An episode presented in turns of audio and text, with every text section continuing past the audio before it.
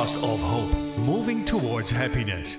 Twee jaar geleden heeft Margot Ribbering haar carrière als weervrouw neergelegd om zich volledig in te zetten voor wat zij het belangrijkst vindt. Tegenwoordig is ze ambassadeur van weer, klimaat en duurzaamheid. En zit ze vandaag bij ons aan tafel om te vertellen over wat haar nou echt gelukkig maakt. Nou, hallo, leuk, eh, leuk dat je er bent. Ja, leuk. Om daarmee te beginnen. zijn. Ja, wat fijn. Ehm, nou, wat we altijd doen eh, bij de podcast is aan de gasten vragen wat nou hun definitie van geluk eigenlijk is. Want eh, ja, vandaar kan je een beetje verder borduren natuurlijk. Dus Ja. wat is je definitie van geluk? Nou, dat houdt natuurlijk heel veel in. Maar ik denk dat, eh, dat ik eh, vooral gelukkig word als de mensen om me heen gelukkig zijn en gezond zijn. Ja. Dus mijn kinderen, mijn familie. Ja. En ja, misschien een beetje een, een vergezochte vraag. Wat, wat is er dan bijvoorbeeld, wat is er voor, voor de mensen om je heen dan nodig om gelukkig te zijn? Ja, Oeh, dat hangt natuurlijk van heel veel dingen af. Maar als ik dan ook weer een beetje voor mezelf eh, eh, eh, denk en praat, is ehm, ik, ik hou ontzettend van de natuur. Ik ben een wandelaar en ik kijk natuurlijk ook graag naar de lucht. Dus ik word ook Ja. heel erg gelukkig van, van de natuur en van de lucht. Ja, Ja, ja dat hebben wij ook. Ja, natuurlijk. De natuur is hartstikke prachtig. Ja, Hè, we gaan best wel vaak maken we een lekker boswandelingetje of zo. ja. Dus ja, ik word er altijd wel rustig, vrolijk van. Ja, het, eh, Wat zou datgene dan zijn waardoor je er zo vrolijk van wordt? ja, het is een sereen gevoel, hè, zou ik zeggen. ja ik, kan dat ook, ik kan daar wel in meegaan. Ik, eh, als, ik, eh, als ik wandel in de natuur, kan ik even alles wat in mijn hoofd zit, hè, even los. Ja, Ja, En zo voelt dat is ook eh, altijd. inderdaad alsof je even eh, kunt ontspannen. En eh, ik kan ook heel goed nieuwe energie opdoen eh, uit de natuur. Als ik eh, heb gewandeld, dan, eh, dan kan ik ook veel beter nadenken bijvoorbeeld. En weer eh, verder gaan met mijn werk. Ja, ja. ja. Is die natuur ook een reden waarom u eigenlijk de richting bent omgegaan waar u op bent gegaan? Want ja natuur, eh, weer, klimaat, eh, Precies. dus biologie gedaan, is eigenlijk allemaal een beetje hetzelfde eh, straatje. Ja, ja, klopt. Ja, ja. Nou, toen ik ehm, op de middelbare school zat, 18 was, toen had ik eigenlijk ehm, een ontzettende brede belangstelling. En eigenlijk wist ik niet meer wat ik dan zou willen studeren. Hè. Ja. Ik, medicijnen zou ik ook graag willen studeren, maar ik dacht dat ik daar een beetje te dom voor was. Ehm, ik Oh. dacht van ja, ik vind het weer heel leuk. Dat is ook een hele lastige studie, heel Ja. veel natuurkunde. Eh, maar biologie lijkt me ook heel leuk. Dus ik heb gewoon uit drie gekozen. Eh, en eh, dat is biologie geworden. En ik heb daar geen spijt van. Ik heb dat met heel veel plezier gestudeerd. Ook in een hele leuke stad. Leuke mensen om me heen, heel belangrijk. En na mijn biologiestudie ja, was er een beetje toevallig een baan vrij bij een weerbureau. En toen dacht ik, ja, maar het weer, dat heb ik ook altijd heel leuk Ja. gevonden. Eh, dus toen ben ik aangenomen bij dat weerbureau zonder dat ik meteorologie heb gestudeerd. Oh, Eh, wauw. Dus dus Dat heb je daarna nog gedaan? Of? Ja, dat heb ik daarna gedaan. Oké. En eigenlijk eh, vind ik studeren nog steeds leuk. Dus Ja. ik heb eh, natuurlijk ook eh, de hele methodologie-studie tijdens mijn werk, eh, mijn eerste jaren eh, erbij gedaan. Ehm, daarna vond ik communicatie leuk, dus ik heb eh, wetenschapsjournalistiek eh, nog daarna gedaan. En de laatste jaren vind ik het heel eh, interessant om eh, een beetje psychologie te Hm, bestuderen. Wat gebeurt er nou in het hoofd van mensen? Waarom alles wat om ons heen gebeurt en het is echt verschrikkelijk, het is alleen maar ellende. ja. En mensen worden er moedeloos van en machteloos van. Maar ik wil graag die mensen in de actiestand krijgen. Wat gebeurt er in de hersenen van mensen met de informatie die we nu allemaal elke dag op de televisie zien? ja, dat kan me voorstellen ook wel belangrijk om, om dat te weten. U, weet eigenlijk van heel veel dingen, dus best wel veel. Dus houdt u daar ook een, een beetje geluk uit? Dus ik, ik zelf, ik denk dat kennis op zich wel iets, iets belangrijks is. Ik denk dat je daar ook best wel gewoon je fijn bij voelt. Ik weet niet of dat dan gelijk staat naar geluk, maar Ja, het idee van blijven leren, dat lijkt me vooral. Tenminste, dat maakt mij gelukkig. Gewoon de hele tijd kennis tot je blijven nemen. Precies. En blijven leren, dat heeft te Ja. maken met nieuwsgierigheid. En Ja. ik denk dat dat heel belangrijk is. Mhm. Dat, dat je die nieuwsgierigheid altijd vasthoudt. Om, om te denken, waarom gebeurt iets? En ik ga me erin verdiepen. Hè, dat, dat kan je natuurlijk ook gelukkig maken. Ik denk niet dat heel veel kennis meteen eh, zeg maar is, iets is dat, jou, dat, dat, dat, dat mensen gelukkig Nee. maakt. Maar de nieuwsgierigheid, ehm, ik denk wel dat dat een factor is die heel belangrijk is voor mensen om gelukkig te worden. ja, het gaat gewoon gepaard aan een bepaalde instelling misschien. Ja, Ja. Ja. En u, u bent heel nieuwsgierig. Ehm, ehm, bent u, is dat ook een van de redenen dat u toen die switch heeft gemaakt? Naar, eh, toen u bent gestopt als, als weervrouw naar... eh, want u zet zich nu heel erg in voor het klimaat, toch? Ja. Heeft dat met elkaar te maken? Ik denk het wel, ja, ja. Want het is natuurlijk best een stap. Hè? Als je een goede baan hebt en je hebt een carrière op de televisie. eh, en eh, nou ja, je hebt ook nog een hypotheek en je hebt ook nog een pensioen en zo. Om dat allemaal los te laten en om dan te zeggen: ik ga helemaal op mezelf, mezelf inzetten om te vertellen over dat het klimaat verandert en natuurlijk over de oplossingen. Want Ja. dat was ook een beetje de reden waarom ik gestopt ben met het presenteren van het dagelijks weer. Ik kon mijn ei niet kwijt. Ja. Eh, ik kon alleen maar vertellen wat er gebeurt, maar eigenlijk hè, als er echt iets gebeurde waar- waarbij je toch een beetje moet uitleggen dat dat niet normaal is. Ja. Het ene hitterecord naar de andere, een overstroming, droogte. En dan wilde ik eigenlijk alleen maar daarover praten. En ik wilde niet alleen die ellende vertellen aan de mensen, maar ik wilde ook meteen vertellen wat je eraan kunt doen. ja En inderdaad. dat is natuurlijk niet in een weerberichten. Nee, Dat hoort niet. Hè? Dus daarom ben ik gestopt, zodat ik eh, uit mezelf eh, overal kan vertellen dat het klimaat verandert, dat het mij eh, behoorlijk veel zorgen baart ook, maar dat ik ook denk hoe we er iets met z'n allen aan kunnen doen. En op wat voor manier doe je dat dan? Hoe bereik je een grote groep mensen om eh, dat bericht over te brengen? Nou, dat doe je eigenlijk niet met een grote groep, heb ik gemerkt. Dat is best lastig, hè? Hmm. Eh, normaal stond ik op een groot podium, op een congres of op een symposium. eh, en dan hou je een monoloog. Maar wat ik Ja. heb gedaan, is dat ik letterlijk en figuurlijk van het podium afgestapt ben. En Ja. je gaat tussen de mensen zitten en het liefst in een groepje van zes tot acht mensen, want dat praat lekker. Eh, we gaan ook in een kring zitten. En wat heel belangrijk is, dat ik niet alleen maar vertel, maar dat ik gewoon ook aan jullie vraag van, maken jullie je zorgen over de wereld? ja, gewoon het gesprek aangaan. Ja, Ja. maar dat is meteen een vraag. Oh, dat is meteen een vraag. Ah, nou, Ja, ik, nee, ik weet niet of... of Misschien, oh, zeg niet direct, misschien niet direct genoeg. Ik, ja, ik, ik ben, sta er wel eh, bij stil. Ik ben me er ook wel bewust van. Ehm, En die, die zorg hebben, Nee, die dat- hebben we volgens mij niet echt. Dus ik en jij, we hebben het er wel vaak over gehad, toch? Nee, ik voelde zorg niet helemaal. Nee, dat klopt. Ik weet niet zo goed waarom eigenlijk. Ja, het, misschien is het ook een beetje het is iets, iets moeilijks te, te beseffen. Ja, Net als wat je bijvoorbeeld hebt met bijvoorbeeld corona of zo. Weet je wel, heel veel mensen die... ehm, het is niet iets wat zo naast je... Ja, iemand die corona krijgt, maar het is eigenlijk gewoon niks, toch? Het zijn gewoon eh, virusdeeltjes. En het is misschien moeilijk om daar om, om te beseffen wat voor impact dat heeft. En ik denk dat het klimaat eigenlijk dan misschien hetzelfde is. Ja. Het is allemaal in de toekomst en het komt nog wel. Nou, wat je nou zegt, hè, het is allemaal in de toekomst. Het, het raakt me nog niet zo echt. Ik wilde eigenlijk ook nog niet zoveel weten. Maar wat je eigenlijk doet, en dat is ook heel begrijpelijk. Het is zo'n ingewikkeld en zo lastig en abstract probleem. Dat je het een beetje parkeert. hm. Ja. Want je wilt ook met je eigen leven en met je eigen studie aan de gang gaan. Ja, Eh, en da daar kan dat grote probleem, als dat constant maar eh, eh, in je hoofd zit, dan kun je verder niks doen. Dus eh, ik zie dat bij heel veel mensen wel zo. Ja. Ja, ik, ik heb hier wel veel over nagedacht. En ik moet zeggen dat ik eh, een hele tijd geleden was ik ook een klein beetje een sceptici, maar dat een scepticus. maar dat is je was wel. er twee. Ja, ik was er twee. maar dat is wel weg. Eh, want ja, ik zei vroeger dingen tegen mezelf van ehm, klimaat en, en de gemiddelde temperatuur, dat is natuurlijk heel vaak eh, op en neer gegaan. Het werd op een gegeven moment gewoon warmer en weer kouder.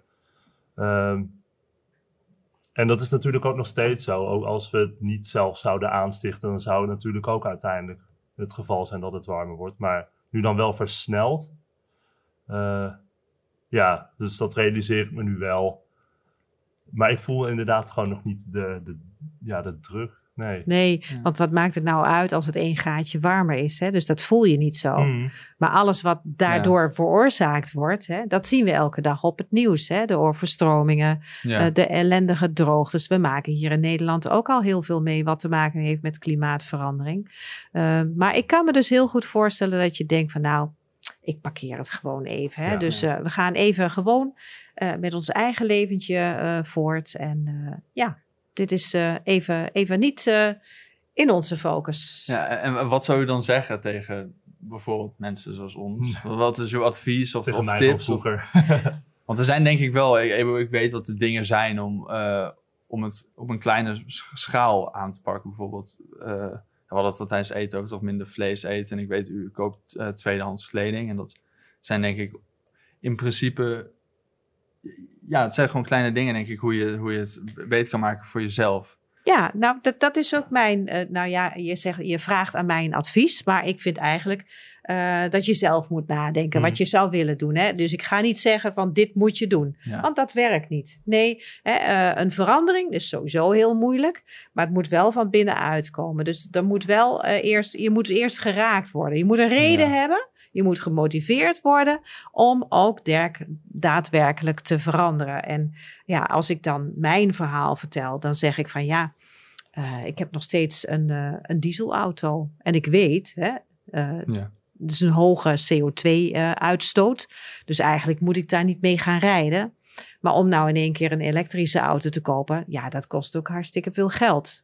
Ehm, dus ik verzin allemaal uitvluchten dat mijn auto toch eh, niet al te onzuinig is. Of eh, dat mijn buurman een hele dikke SUV rijdt en deze van mij is eh, nog niet zo slecht. Ja. Dus hè, dat gebeurt er in je hersenen dat je jezelf een beetje goed praat.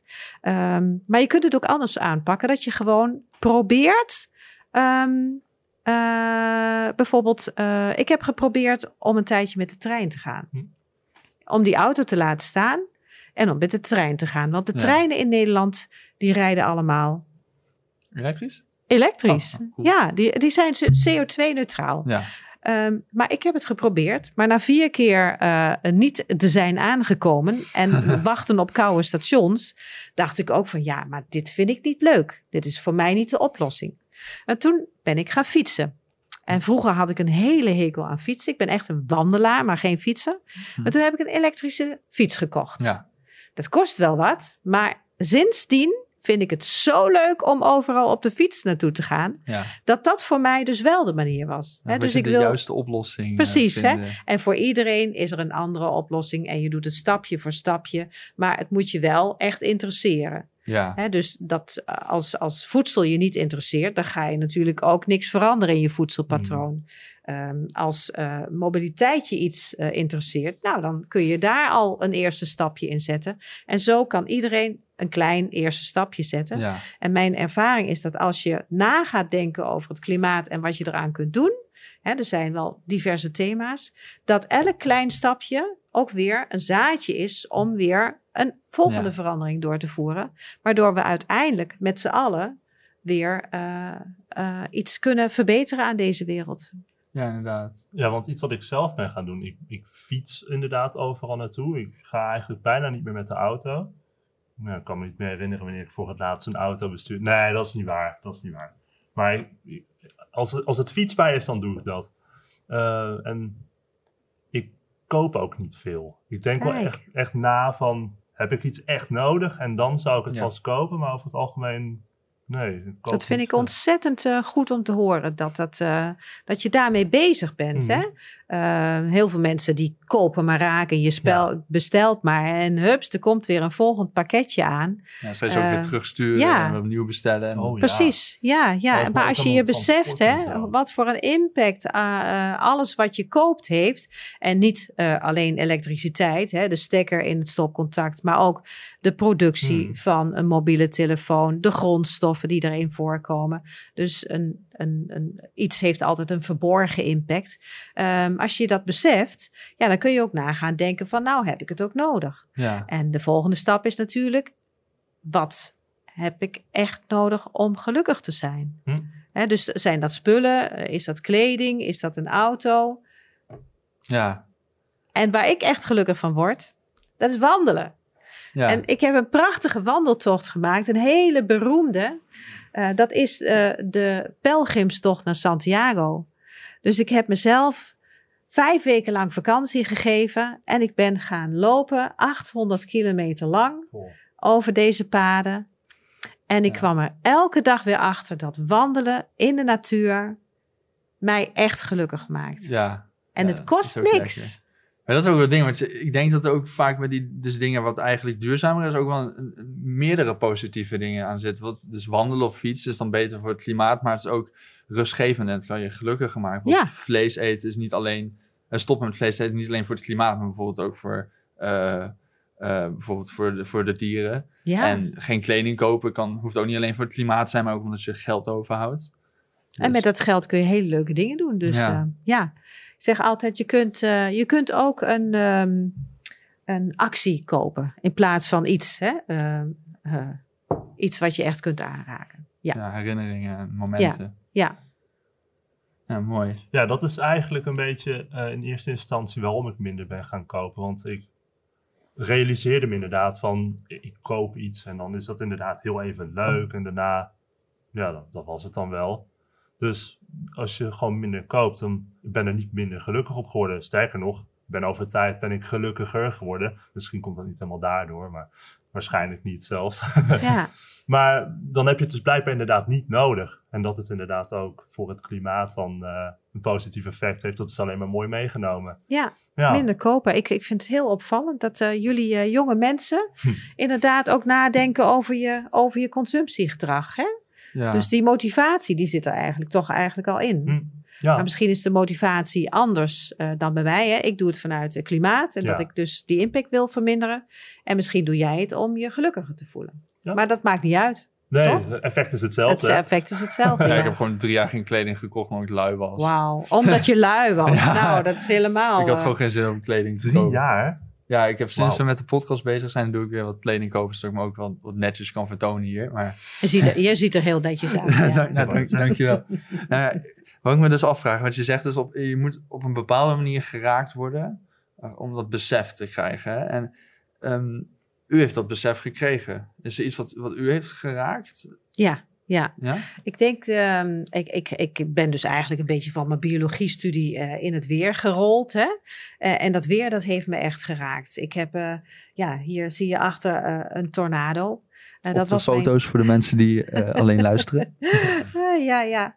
Ik heb, eh, ik heb het geluk mogen hebben dat ik met een groepje meteorologen eh, jarenlang eh, naar Amerika ben gevlogen. Dat Ja. doe ik nou trouwens niet Oh, ja. want vliegen is heel slecht het milieu. Knippen er wel uit. Maar in Amerika heb je in een bepaald gebied elke dag in een bepaald jaargetijde eh, de grootst mogelijke on- onweerswolken, supercells, eh, met kans dat er een tornado uitkomt. En ik vond het zo spannend om dit te doen dat ik dit jarenlang eh, heb gedaan, samen met een aantal andere meteorologen. Eh, dat is niet alleen heel spannend en soms ook een beetje gevaarlijk, maar het heeft me ook heel veel kennis opgeleverd, die ik dan weer naar Nederland kon brengen. Want in Nederland hebben we in de zomer, doordat het klimaat opwarmt, steeds meer van dit soort heel vervelende, nare buien. En hoe mooi is het als we die wat beter en preciezer kunnen eh, verwachten natuurlijk. Hè? Dus die kennis, die heb ik weer naar Nederland gebracht. En die heb ik ook gebruikt in mijn weersverwachtingen. Dus ehm, ja, dat is, dat is ook eh Echt een vette hobby. vette Ja. hobby hè? Ja, Ja, ja. Ik, heel veel adrenaline krijg je er denk ik ook van. maar ik ben ermee gestopt. Oh. Omdat ik niet meer wil vliegen. Ja, Nee. inderdaad. Nee, Hè, als je weet hoeveel CO2-uitstoot het eh, eh, is als je één keer vliegt, ja, dan kun je een heel jaar in Nederland gewoon van leven. Eh, Ja. Dus ehm, nee, dat heeft mij tot het besef gebracht, ehm, ik ga niet meer eh, vliegen. Is je dat niet zonde? Ja, natuurlijk. Ja. En ik, ehm, ik, eh, soms dan kriebelt het bij mij ook wel. Dan denk ik van, oh, ik zou nog zo graag eh, naar eh, IJsland willen. Oh, naar, ja. de, naar, de, naar de vulkanen Ja, en de gijzers. Of naar ehm, mm, Chili, naar die prachtige woestijn. En dan moet je voor vliegen. Ja, en misschien dat ik het ook nog ooit ga doen. Maar ik ga het niet meer zoveel doen zoals ik heb gedaan. Dus niet eh, drie, vier keer per jaar. eh, eh, omdat een vliegticket ook nog heel goedkoop is. Ehm, ik ga daar bewust mee om. En ik wil misschien één keer in de vijf jaar nog wel een keer een grote reis maken waarvoor ik moet vliegen. Dat vind ik dan nog te verantwoorden voor mezelf. Ehm, maar ik denk ook aan hele leuke andere vakanties. Zoals de wandelvakanties in, ja. in Europa, waarbij je dus niet hoeft te vliegen. Ja, er zijn er genoeg. Eh, Je kan eh, naar genoeg plekken lopen in Europa natuurlijk. Ja, er zijn zo fantastische Ja. wandeltochten. En eh, je kunt natuurlijk ook met de trein eerst een stukje gaan. Of met de Flixbus. Dat heb ik Oh, gedaan ja. toen ik eh, naar, eh, naar eh? Santiago liep. Flixboost? Ja, de Flixbus, dat zijn eh, goedkope bussen, maar die rijden ook op, eh, op eh, groene energie voornamelijk. Oh. En die brengen je ehm, ja, van de grote steden in Nederland naar de grote steden in heel Europa. Dus je kunt, ja. je kunt voor heel weinig geld naar Parijs of naar Berlijn voor Echt? 15 of 20 euro. Ik ben één keer met een, zo'n Flixbus naar Berlijn geweest, maar dat vond ik helemaal niks. Want dat ding rook van binnen helemaal naar pis. Maar dat is misschien... ja, Ja, je moet er wat voor over hebben. ja, Het is niet alleen goedkoop. nee. Nou, ik heb er ook wel leuke ervaringen mee. Want ik ging dus naar Zuid-Frankrijk. voor, eh, Omdat ik dus eh, wilde gaan lopen naar Santiago. In het noordwesten van, eh, van Spanje. Eh, en ik had ook wel zoiets van: oh, dat wordt wel afzien. En het was ook nog een nachtbusreis. ja. Ehm, maar ehm, ja, er zaten allemaal studenten in de bus. Eh, en we hebben eigenlijk een ontzettende leuke eh, gesprekken gehad in die nacht. En we hebben een biertje eh, gedronken. Ja. Dus het was eigenlijk eh, ook een, een heel gezellige busreis. eh, en ik heb die slaap wel eh, overdag weer ingehaald. Ja. Ja. Maar wat je zei, hè, want je wilde nog een keer naar IJsland. Maar is bijvoorbeeld een boottocht geen optie? Of is dat heel Oh ja, daar heb ik naar gekeken. Ja, je kunt ook met een containerschip kun je naar IJsland. Maar dan moet je wel tijd hebben. Ja. Dus hè, als, je, als je zoiets overweegt, dat kan wel. Maar dan moet je gewoon tijd nemen. En ehm, ik vind het ook helemaal eh, ehm, heel goed als men niet alleen kijkt naar eh, zo kort is mijn vakantie en ik heb daar eh, niet voor over dat ik, eh, eh, dat ik vlieg. Dat je, dat je gewoon eh, nadenkt over, over andere vervoersmiddelen. Maar die, eh, ja, zo'n schip is, eh, is geloof ik een week varen of zo. Ja, dat is ook al veel natuurlijk. Ja, en ik word altijd heel snel zeeziek. oh ja, dus, dat is eh, ook niet prettig. Oh, en daar hebben we bij de vorige podcast een tip over gekregen, toch? Als je zeeziek was, dan moest je in het Oh ja, dan, water- dan moest je gewoon in het water gaan. Ja, dan was het meteen weg. Ja. Oké, nou ja, ik weet niet hoe ik dat moet doen als ik eh, naar IJsland rijd. Mijn telefoon, eh, Je telefoon. begint te praten. Ja, nou, Zeg hem nu neer. Sorry, wat geen zei je? interessante vraag? Nee, nee. Nee? Dat was zo'n Siri of zo. ja, ja. Maar wat zei u net? Sorry? Over dat van eh, IJsland? Oh ja, nee, dat ik het niet zie, dat ik achter de boot aanzwem. Nee, oké, ja. touwtje gewoon en Ja. dan eh, vastgemaakt. Nee. natuurlijk niet. Nee. Nee. Ehm, nou, nou ja, wat we ook vragen aan onze gasten is welk cijfer zij hun leven geven. En dat is een beetje omdat we dus met Hoop ik zichzelf willen dat aan het eind van de eeuw iedereen in de wereld een leven met een 8 kan beoordelen. En we vinden het altijd toch wel interessant om te weten op welk cijfer onze gasten nou eigenlijk al zitten. Ik zit op een negen, denk ik. Ja, een 9? Ik heb, als, ik terugkijk naar wat ik allemaal heb gedaan in in mijn leven, ja, dan ben ik natuurlijk eh, helemaal, eh, helemaal tevreden al. Ja, Eh, en met name ook de laatste jaren, hè, mijn baan opzeggen en kijken of ik het alleen kan. En kijken of ik wat meer mensen kan bereiken om te praten over klimaat en over oplossingen. Eh, ja, dat is eigenlijk alleen maar leuk. ja. Mijn leven is leuker geworden. Eh, en ik weet, maar dat komt ook omdat je natuurlijk wat ouder bent, eh, dat inderdaad die wandelvakanties en het genieten van de natuur echt voor mij het leven ontzettend fijn maakt. Met de mensen om me heen. Ik vind natuurlijk mijn familie, ja. dat vind, ik vind het belangrijk dat mijn familie het ook heel fijn heeft. Ja. Eh, maar wat je zegt is dat je dan inderdaad na eh, het opzeggen van de carrière gelukkiger dan bent geworden. Maar stond die carrière het geluk dan een beetje in de weg? Ehm, niet zozeer de carrière, nee, dat is het niet. Maar wel, maar dat is heel persoonlijk, denk ik. ehm, eh, dat je het gevoel hebt dat je vastzit. Hmm. Ik werkte 30 jaar op dezelfde plaats. Ja. Dat is heel lang. Ja. Ik denk dat jonge mensen dat sowieso tegenwoordig niet meer doen. Die gaan na een paar jaar, dan ga je opnieuw solliciteren. En dan ga je een nieuwe baan en een nieuwe uitdaging aan. Maar ik bleef gewoon, eh, ja, omdat het kennelijk ook goed was. Hè? Het salaris was goed en eh, de, het was leuk werk en zo. 30 jaar op dezelfde plek. ja. En eh, ik was heel erg toe aan een verandering, denk ik ook. Eh, maar dat is best lastig. Hè? Dan moet je ook wel eh, iets kunnen en durven opgeven. Hè? Je, je vaste salaris opgeven. eh, de zekerheden opgeven die er zijn. Maar ja, wat is er nou tegenwoordig nog zeker natuurlijk? Ehm, dat, is, dat is een lastige keuze. Maar ik heb het uiteindelijk wel gedurfd. Ik heb er vijf jaar over gedaan hoor. Om na te denken van ga ik het doen of niet doen. Maar toen ik het uiteindelijk had gedaan toen eh, voelde ik me als bevrijd. Denk Ja. ik, goh, dat had ik veel eerder moeten doen. Misschien ook omdat die keuze zo, ja, misschien een beetje eng was, wat spannender was. Want als het dan, dan is het eigenlijk goed gekomen en dan ben je toch wel helemaal tevreden. Ik ben meer dan tevreden. Ja, ik ben echt, ik ben echt gelukkiger. Omdat Ja. je natuurlijk hè, als, als zelfstandige gewoon kunt doen wat je eigenlijk wil. Eh, en dat zat me eigenlijk in de weg. Hè? Dus, ehm, eh, dus dat heeft mij de mogelijkheden gegeven om nog meer van mezelf kwijt te kunnen eh, aan Ja. mensen wat ik zou willen vertellen. Eh, en je kunt natuurlijk je eigen vakanties plannen. Dus ik kon ook gewoon vijf weken ertussenuit om te wandelen. En dat kun je natuurlijk ook niet als je een vaste baan hebt. Dus, Ja. En wat heeft er nou uiteindelijk voor gezorgd eh, dat je die keuze hebt gemaakt om dan te stoppen? Wat, wat trok je over de streep? Ehm, ik denk toch eh, gesprekken met andere mensen. Ja. Ik denk dat heel veel mensen mij een beetje hebben moeten aanmoedigen van, Hmm. ah, dat kun je wel in je eentje, natuurlijk lukt dat wel.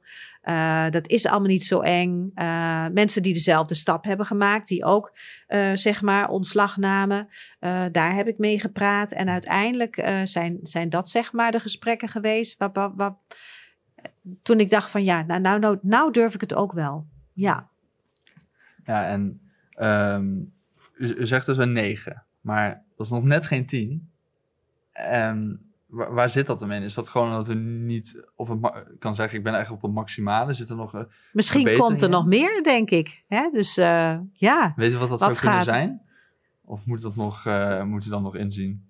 Ehm, ik denk dat dat niet zo heel veel meer is. Maar in, inderdaad, nog een paar mooie reizen die ik zou willen ma- maken. Eh, nog meer natuur om me heen. Eh, misschien eh, dat ik ooit nog wel kleinkinderen krijg. Want ik heb nou kinderen, Oh, ja. maar nog geen kleinkinderen. Dus er kan nog veel komen. Vandaar dat ik niet op een 10 ben gaan zitten, maar op een 9. Omdat ik, ik hoop natuurlijk dat er nog meer komt in mijn Ja. leven. Inderdaad. Ja, dat zal ook vast wel natuurlijk, toch? Dat Of- weet ik niet, hè? Ja, dus, maar het kan nog een 10 worden. Ja. Mooi. Nee, maar als de tijd voorbij gaat, dan gebeurt er altijd wel iets in natuurlijk. Ja, dat vind ik ook. En eh, ik vind het ook heel eh, spannend eh, wat er nog allemaal gaat gebeuren. Ehm, wat ik net al zei, blijf nieuwsgierig. Eh, ook al eh, ben ik wat ouder, ik ben eh, nog steeds ontzettend nieuwsgierig naar nieuwe kennis. Dus ehm, hè, naast de psychologie kan ik me ook voorstellen dat ik nog weer wat anders ga studeren. Ja, Ja, zijn er nog dingen die u echt heel graag nog wil doen? Verlanglijst. Een een verlanglijstje.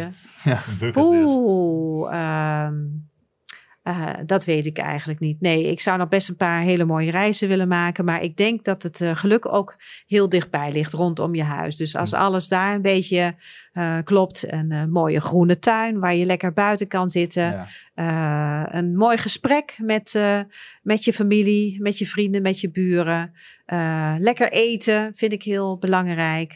Ja, dat, dat zijn toch wel de dingen die mij het meeste gelukkig maken. En dat vind je gewoon rondom je huis. Ja, Ja, inderdaad. Ja, Ik denk dat je van gesprekken met mensen ook heel veel leert. Of van reizen ook. Ik denk dat je heel veel leert als je wordt blootgesteld aan andere culturen. En, en ja dat vind ik ook. Vind ik ook enorm interessant. Ik heb heel veel gereisd. India, Afrika. Ik heb alles eh, al eh, gezien.